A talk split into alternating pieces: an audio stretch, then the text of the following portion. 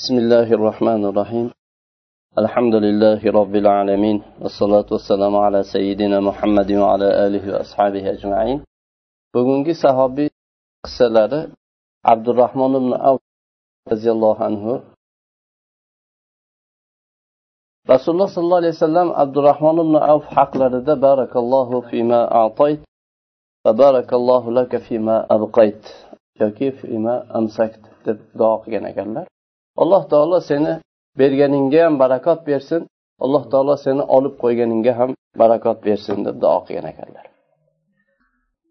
Abdurahmon ibn avf roziyallohu anhuni birinchi u kishini manoqiblari yaxshiliklarini aytadigan bo'lsak u kishi o'nta jannat bilan bashorat berilganlarning bittasi. Ya'ni o'zini hayotida ahli jannat ekanligi bilan xushxabar berilgan o'nta sahobiy bir hadisda ularni bashorat berildi. Shuni ichida abdurahmon ibn avf roziyallohu anhu ham bor. Islomga avvalda kirganlardan. Ya'ni abdurahmon ibn avf islomga kirganlarida hali rasululloh sollallohu alayhi vasallam arqom ibn abi arqamni hovlilariga kirmagan edilar. Undan ortiqroq odam bo'lganda shu makkada safo tog'ining yaqinidagi ibn abi arqam degan sahobiyni uylarida yig'iladigan bir xilvat joy qilishuvdi. O'sha yerda da'vat tushgan bu vahiylarni o'rganadigan joy edi. Shu yerga bir o'ntadan ortiq bo'lganda rasululloh sollallohu alayhi vasallam kirganlar. Ya'ni rasululloh sollallohu alayhi vasallam hali arqam ibn abi arqamni uylariga kirmasdan islomni qabul qilgan islomni avvalidagi sahobiylardan abu bakr siddiq roziyallohu anhuni da'vatlari bilan alloh taolo hidoyat qilgan sahobiylardan umar roziyallohu anhu shahid qilinganda u kishi ahli shuro ya'ni xalifani tayinlaydigan sahobiylarni ulug'laridan olti kishini tayinladilar. Shularning bittasi abdurahmon ibn av roziyallohu anhu. Rasululloh sollallohu alayhi vasallam musulmonlar orasida tirik ya'ni rasululloh sollallohu alayhi vasallamni hayotlarida rasululloh sollallohu alayhi vasallam bo'lib turib madinada fatvo beradigan olim sahobalarning bittasi shu abdurahmon ibn avf roziyallohu anhu. Johiliyatda abdurahmon ibn avfning roziyallohu anhuning otlari abdu amir edi. Amirni quli degan nomni berilgan edi. Islomni qabul qilganlarida rasululloh sollallohu alayhi vasallam u kishini abdurahmon deb chaqirdilar. Bu ajoyib bu rahmon. Butun makka mushriklari u vaqtda alloh subhanava taoloni bu rahmon otini inkor qilingan bir jamiyatda ollohni shu nomiga ollohni rahmatini nihoyatda kengligini ifodalagan ollohni bu ismi sifati bo'lgan rahmonga izofa qilinib abdurahmon rahmonning bandasi degan nomni bergan edilar. Mana bu abdurahmon ibn avf roziyallohu anhu va irdoh alloh u kishidan rozi bo'lsin alloh u kishini rozi qilsin. Abdurahmon ibn avfni shu arqamni uylariga kirmasdan oldin mana islomni qabul qilgan dedik. Yana abu bakr siddiq roziyallohu anhu islomni qabul qilganlaridan ikki kun keyin abdurahmon ibn avf u kishini da'vatlari sabab bo'lib u kishi ham islomga kirdilar.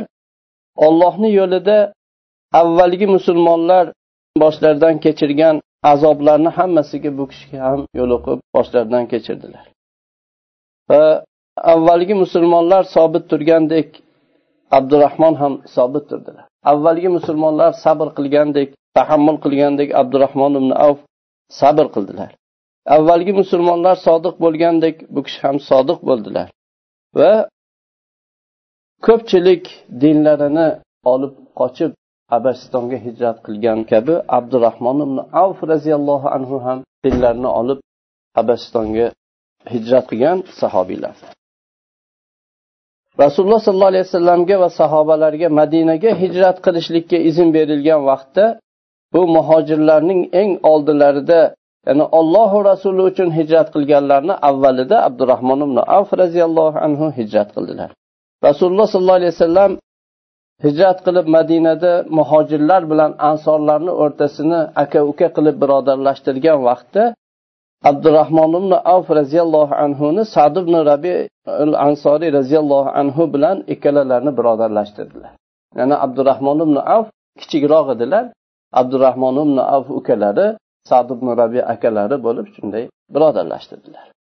Shunda sad bu ukalariga qarab ey uka dedi. Ya'ni abdurahmon ibn avfga qarab ey uka dedi. Meni men madinada mol dunyosi eng ko'p dunyosi bemalol boy kishilardanman dedi. Menda ikkita bog'im bor katta katta bog'larim bor ikkita ayolim bor dedi.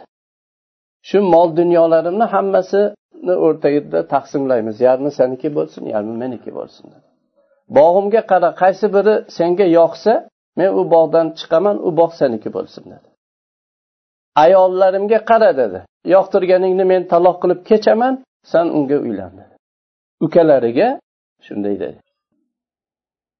Bu ansorlarning qanday saxovatda bo'lganliklari. Iymon ularni qanday darajaga olib chiqqanligi. Hech narsa o'rtada qolmadi. O'zlarini ehtiyojlaridagi narsa ular. O'zlarini ehtiyojlaridagi narsani o'zlaridan bu muhojirlarni o'zlaridan afzal ko'rib ularni ixtiyor qilib shunday inom qilgan zotlar. Lekin bu yerda biz ularni saxovatlaridan ta'sirlanib undan ibrat olganimizga o'xshash abdurahmon ibn avf roziyallohu anhuni taaffuflaridan o'zlarini pok tutishlaridan ham ibrat olishimiz kerak. Abdurahmon ibn avf akalariga qarab ansoriy akalariga qarab ey aka olloh seni molingda ahlingda barakot bersin. Menga bozorni ko'rsat dedi. Dullani ala suq. Yana endi bog'ingni bermayu biroz foydalanib turay. Bunaqa bo'lmadida. Shu oddiy tamomiy to'la taaffuf bilan u kishi yo'q hech narsa olmayman dedi. Olloh seni molingga ahlingga barakot bersin. Meni bozorga dalolat qil. Dulla degan so'zda dalolat qilish. Ya'ni bu bozor bunday ish qil bunday deb ozgina shu bozorni ko'rsatib qo'yishlik. Meni bozorga dalolat qil dedilar.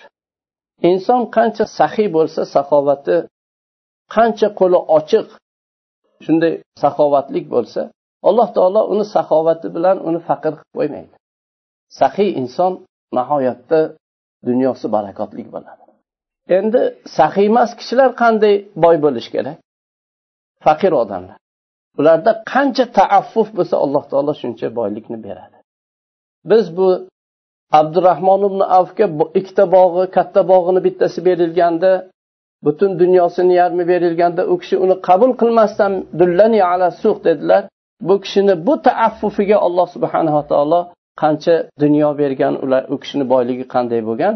Bu zotni hayotlaridan biz buni o'rganamiz. Olloh seni ahlingga molingga barakot bersin meni menga bozorni ko'rsat dedilar sad ibn rabi roziyallohu anhu abdurahmon ibn avfga bozorni ko'rsatdilar. Abdurahmon ibn avf bozorga chiqib ishlay boshladilar. Bir narsalarni sotib olardilar sotardilar. Ya'ni tijorat qila boshladilar. U kishi sotib olib sotadigan bo'ldilar. Foyda ko'radigan va sotib sotish boshlangandan keyin foyda ko'radigan bo'ldilar. Foyda ko'rib endi dunyo to'playdigan bo'ldilar. O'zlariga zaxira qilib yig'adigan ham bo'ldilar. Ozgina o'tmay abdurahmon ibn avfda bir ayolni mahri jamlandi. Shu bir uylanishga qurblari yetadigan bo'ldi. Uylandilar. Uylanib rasululloh sollallohu alayhi vasallamni oldilariga keldilar. U kishidan shu yangi kuyovlarda kelib turadigan bir xushbo'ylik kelib turuvdi. Rasululloh sollallohu alayhi vasallam qaradilar. Abdurahmon nima gap dedilar. Mahyam deyiladi bu. Yaman tilida ey abdurahmon nima gap? dedilar. Abdurahmon roziyallohu anhu uylandim yo rasululloh dedilar sollallohu alayhi vasallam. U ayolingga nima mahr berding? dedilar. Muhojirlardan qisqa vaqt ichida bo'lyapti. Muhojir hamma dunyosi qolgan kechib kelib endi u yerda uylanishi rasululloh sollallohu alayhi vasallam ajablandilar. Nima mahr berding? dedilar. Aytdilarki shu xurmo danagicha oltin jamlanuvdi qo'limda shuni mahriga berdim dedilar. Endi bu xurmo danagicha oltin jamlangan bo'lsa demak dunyosi bor. Shunda rasululloh sollallohu alayhi vasallam avlim lana valau bishat dedilar. Avlim valau bishatin dedilar. Olloh seni molingga barakot bersin bir qo'y so'yib bo'lsa ham bizga valima qilib ber dedilar. Ya'ni bu qo'y arab millatida xosatan bu islom davrida eng katta bu chorvalarni qimmatbahosi tuya ot sigir bular bo'lgan. Qo'y ya'ni ularda bir arzimas narsa bo'lgan yana rasululloh sollallohu alayhi vasallamni abdurahmon ibn avfga qarab turib bizga bir qo'y so'yib bo'lsa ham valima qilib ber deyishlari bu bugungi kunda to'ylarda bo'layotgan isrofgarchilikka ishora emas. Qo'y bo'lsa ham deganda nima qilsang qil deganni chiqarib olinmaydi. Ya'ni bizni ibora bilan aytganda bu bizdagi yo'qchilik bu islom hayotdan uzoqlashib bizni bunday bir barakotsiz faqirlikka tushib qolishimizdan bizga bir choy ichaylik bir osh qilib ber deganchalik. Shu miqdorda yana rasululloh sollallohu alayhi vasallam valima so'radilar shunda abdurahmon ibn avf aytadilarki rasululloh sollallohu alayhi vasallam olloh seni molingga barakot bersin valima qilib ber deb duo ham qilib qo'ydilarda bunda. Abdurahmon ibn avf dunyo meni bostirib kela boshladi deydi. Dunyo qayerga borsam dunyo menga intilib kelardi. Hatto men o'zimni shunday ko'rardimki bir toshni ko'tarsam u yerdan bir oltin kumush to'g'ri kel shu topib olish bir yog'ochni ko'tarsam u yerdan bir oltin kumush. Nima shu ish qilsam bir dunyo menga shunday bostirib kelardi. Badr jangi bo'ldi. Bu badr endi ikkinchi hijriy sanada bo'lyapti. Abdurahmon ibn avf ollohni yo'lida haqiqiy jihod qildilar. Ollohni dushmani umayr ibn usmon ibn kabul taymiyni u kishi o'ldirdilar. Eng katta ularni pahlavonlaridan makka mushriklarini eng ashaddiylaridan. Uhud kunida butun qadamlar larzaga kelgan vaqtda u kishi sobit turdilar. Mag'lub bo'lganlar qochgan vaqtda u kishi salobat bilan turib berdilar. Jang tugadi abdurahmon ibn avfda bir yigirmadan ortiq jarohatlari bor edi. Ba'zisiga shu qo'l sig'adigan darajada katta jarohatlar jasadlarida bor edi. Abdurahmon ibn avf. Lekin abdurahmon ibn avf roziyallohu anhuni bu nafslari jonlari bilan qilgan jihodlari u kishini moli bilan qilgan jihodi bilan qiyoslansa arzimas bo'lib qoladi. Rasululloh sollallohu alayhi vasallam bir kichkina qo'shinni jangga yuborishlikka tayyorlashni xohladilar. Albatta bu qo'shinni odamlarga ehtiyoj bo'lganga o'xshash dunyo ham kerak edi oziq ovqati quroli markabi bo'lib dunyoga ham ehtiyoj bor edi. Shunda ashobi kirom roziyallohu anhu ichida rasululloh sollallohu alayhi vasallam turib tasaddaqu fa inni uridu an ab'asa ba'sa dedilar. Bir sadaqat beringlar. Sadaqat qilinglar olloh yo'lida men bir qo'shinni jo'natishni xohlayman dedilar. Shunda abdurahmon ibn avf uylariga shoshilib chiqib ketdilar. Keyin yana shoshilib qaytib keldilar. Yo rasululloh menda to'rt ming bor edi. Mana bu ikki mingi men robbimga shuni qarz qilib beraman va ikki mingini ahli ayolimga qoldirdim dedilar. Rasululloh sollallohu alayhi vasallam olloh berganingda ham senga barakot bersin olib qolganingda ham olloh barakot bersin deb haqlariga duo qildilar. Yana u kishini yaxshilikka yaxshi amalga shunday shoshilganlaridan rasululloh sollallohu alayhi vasallamni buyruqlariga solih amalga u kishini qattiq kirishganlaridan rasululloh sollallohu alayhi vasallam xursand bo'lib shunday duo qildilar. Rasululloh sollallohu alayhi vasallam tabukka jang qilgan tabukka jang qilishni xohlagan vaqtlarida bu rasululloh sollallohu alayhi vasallam o'zlarini hayotlarida shu kirgan janglarni eng oxirgisi. Bu jangda bu dunyoga bo'lgan ehtiyoj bu odamlarga askarlarga bo'lgan ehtiyojdan kammas edi. Chunki rumlar askari nihoyatda soni ko'p tayyorgarligi ko'p qurolli kuchlik shunaqa edi. Yana ocharchilik madinada esa sharoit ocharchilik edi yili edi qurg'oqchilik odamlar och safar ham uzoq oziq ovqat juda kam edi markablar oz edi. Hatto mo'minlardan bir to'dalari rasululloh sollallohu alayhi vasallamga kelib ularni shu o'zlari bilan birga jangga olishlikka bir tayyorgarlik qilib olishlikni so'rab keldilar.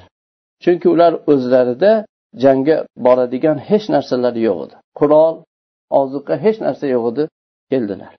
Rasululloh sollallohu alayhi vasallam o'zlarida bularni tayyorlashga bir narsa topolmaganliklari uchun ularni qaytarib yuboruvdilar.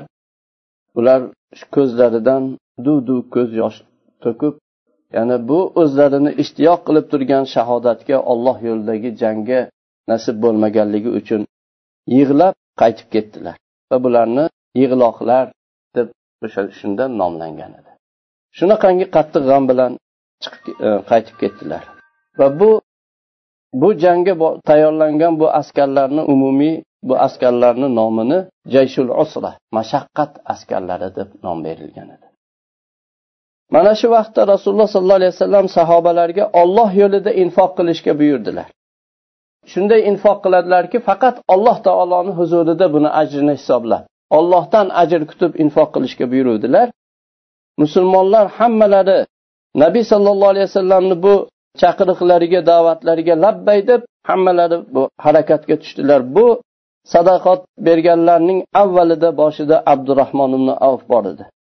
Abdurahmon ibn avf roziyallohu anhu ikki yuz o'qiya ikki yuz ko'zada oltin olib keldilar.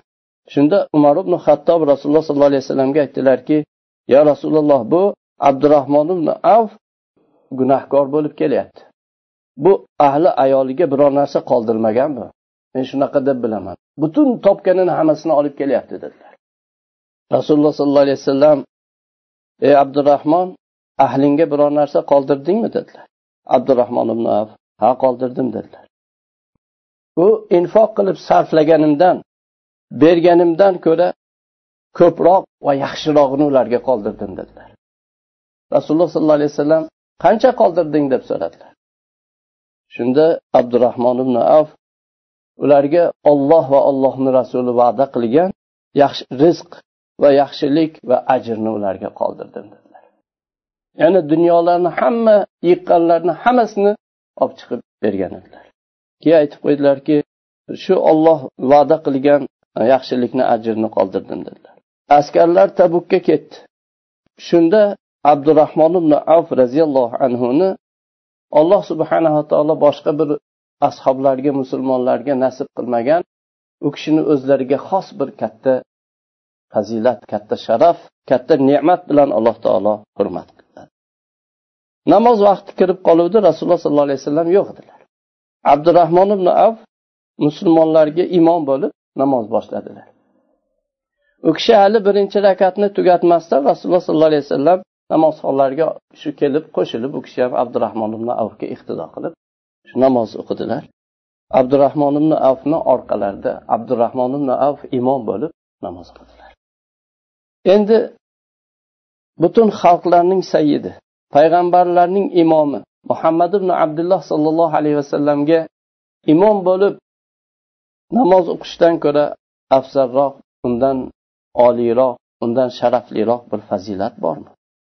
Rasululloh sollallohu alayhi vasallam vafot etib bu dunyodan o'tganlaridan keyin abdurahmon ibn avf ummul mo'minin ana onalarimizning ishlarini abdurahmon ibn avf u kishi boshqarib tartiblab turar edilar ularni ehtiyojlarini abdurahmon ibn avf berar edilar. Ular chiqsalar birga chiqar edilar. Hajga borsalar birga hajga ketardilar. Va ularni tuya ustidagi bu taxt ravonlariga ustiga maxsus bir yashil yopinchiqlarni yopib olib borardilar. Va ular yaxshi ko'rgan joylarga ular xohlagan joyda ularni tushirardilar. Abdurahmon ibn avfning u kishining sharaflari u kishini haqidagi ulug'liklardan bittasi shu. Mo'minlar onalari rasululloh sollallohu alayhi vasallamni ayollari tarafidan u kishiga bo'lgan ishonch.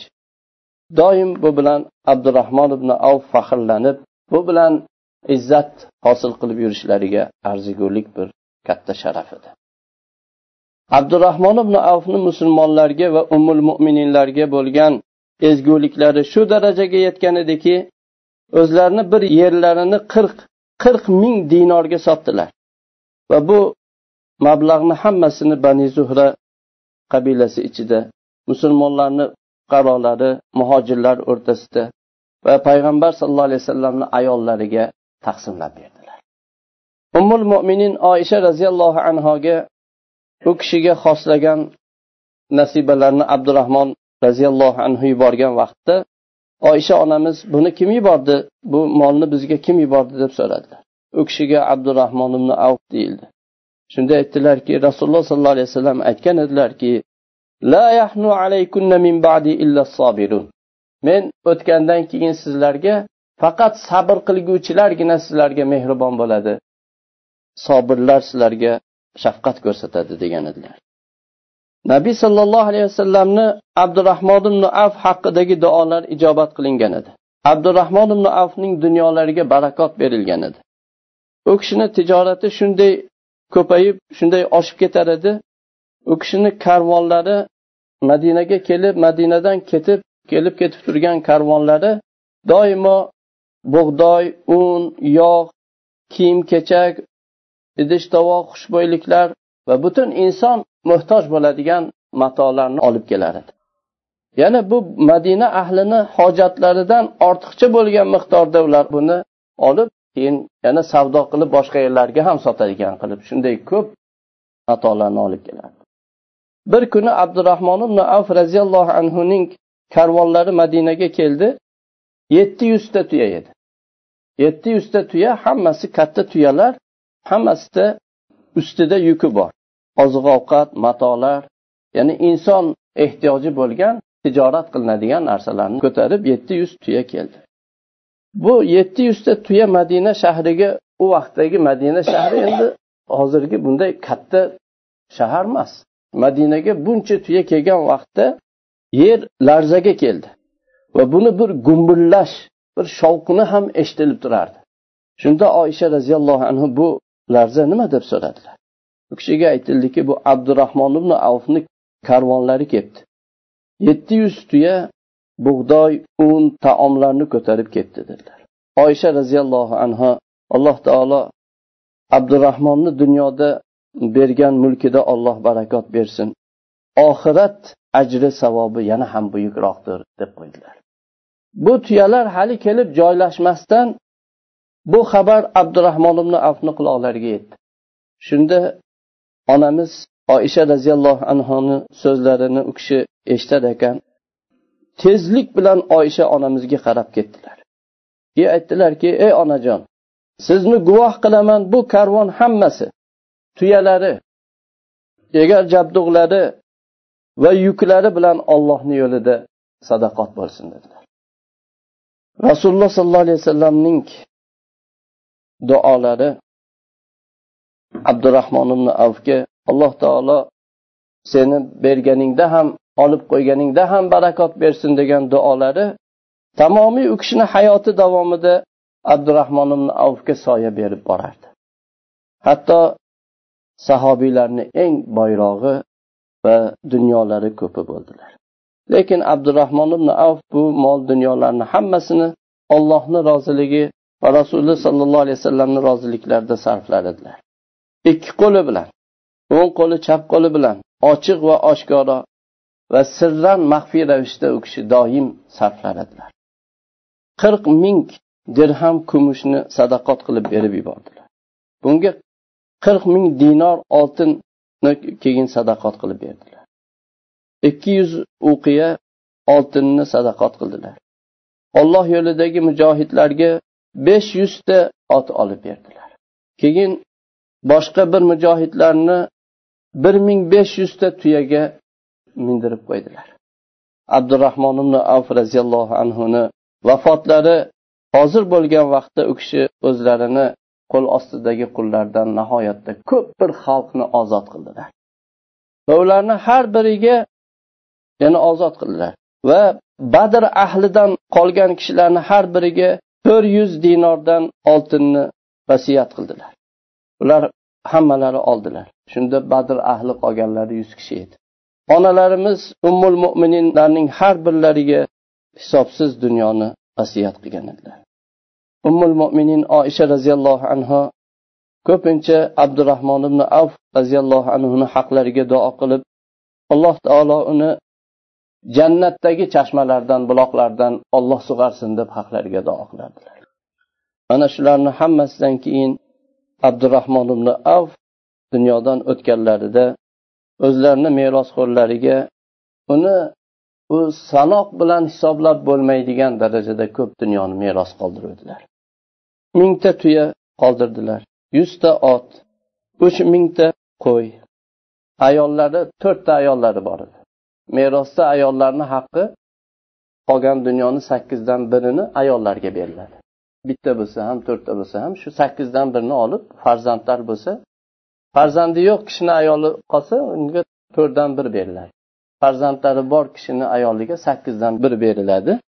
Abdurahmon ibn avfning ayollariga bo'lib turib sakkizdan birini berdilar va ulardan har bir ayolga sakson mingdan etdi ya'ni bu puli o'sha vaqtni pulidan sakson mingdan har biriga yetdi oltin kumushdan qoldirganlari shu boltalar bilan maydalab taqsimlandi.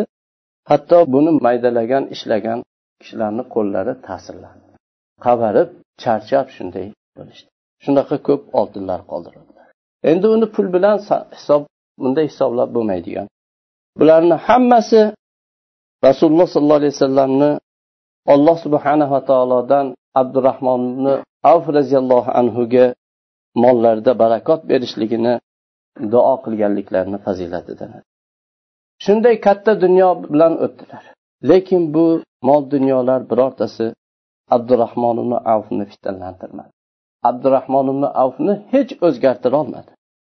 Odamlar abdurahmon ibn avfni bu qullari ichida ko'rsalar abdurahmon ibn avf qaysi qullari qaysi ajrata olmas ya'ni shu qullar kiyganni kiyar edilar qullar yeganni yer edilar bir kuni abdurahmon ibn af ro'za edilar u kishiga taom olib kelindi. Taomga qaradilar. Aytdilarki musab ibn umay roziyallohu anhu u mendan yaxshi edi uhudda qatl qilindi.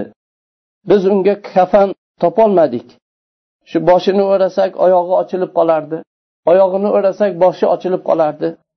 Keyin bizga kelib dunyo shunday keng bo'ldi. Men bizlarning mukofotimiz shu naqd qilib dunyoni o'zida berilib qolyaptimikin? deb qo'rqaman dedilar. Keyin yig'ladilar. Ho'ngradilar hatto taomdan kechdilar yemadilar. Abdurahmon ibn avfga ko'p yaxshiliklar bo'lsin jannat bo'lsin va u kishiga minglab quvonchlar bo'lsin. Chunki muhammad ibn abdulloh sollallohu alayhi vasallam sodiq zot tasdiqlangan zot abdurahmon ibn avfni jannat bilan bashorat berdilar. U kishi vafot etdilar. U kishini janozalarini oxirgi o'zlarini joylariga rasululloh sollallohu alayhi vasallamni tog'alari sad ibn abi vaqqos yelkalarida ko'tarib olib bordilar. U kishiga usmon ibn affon ya'ni zunnurayn roziyallohu anhu janozalariga o'tib janoza o'qidilar. Ali ibn abi tolib roziyallohu anhu va boshqa ulug' sahobiylar hammalari shu janozada ergashib janoza o'qidilar. Ali roziyallohu anhu aytardilarki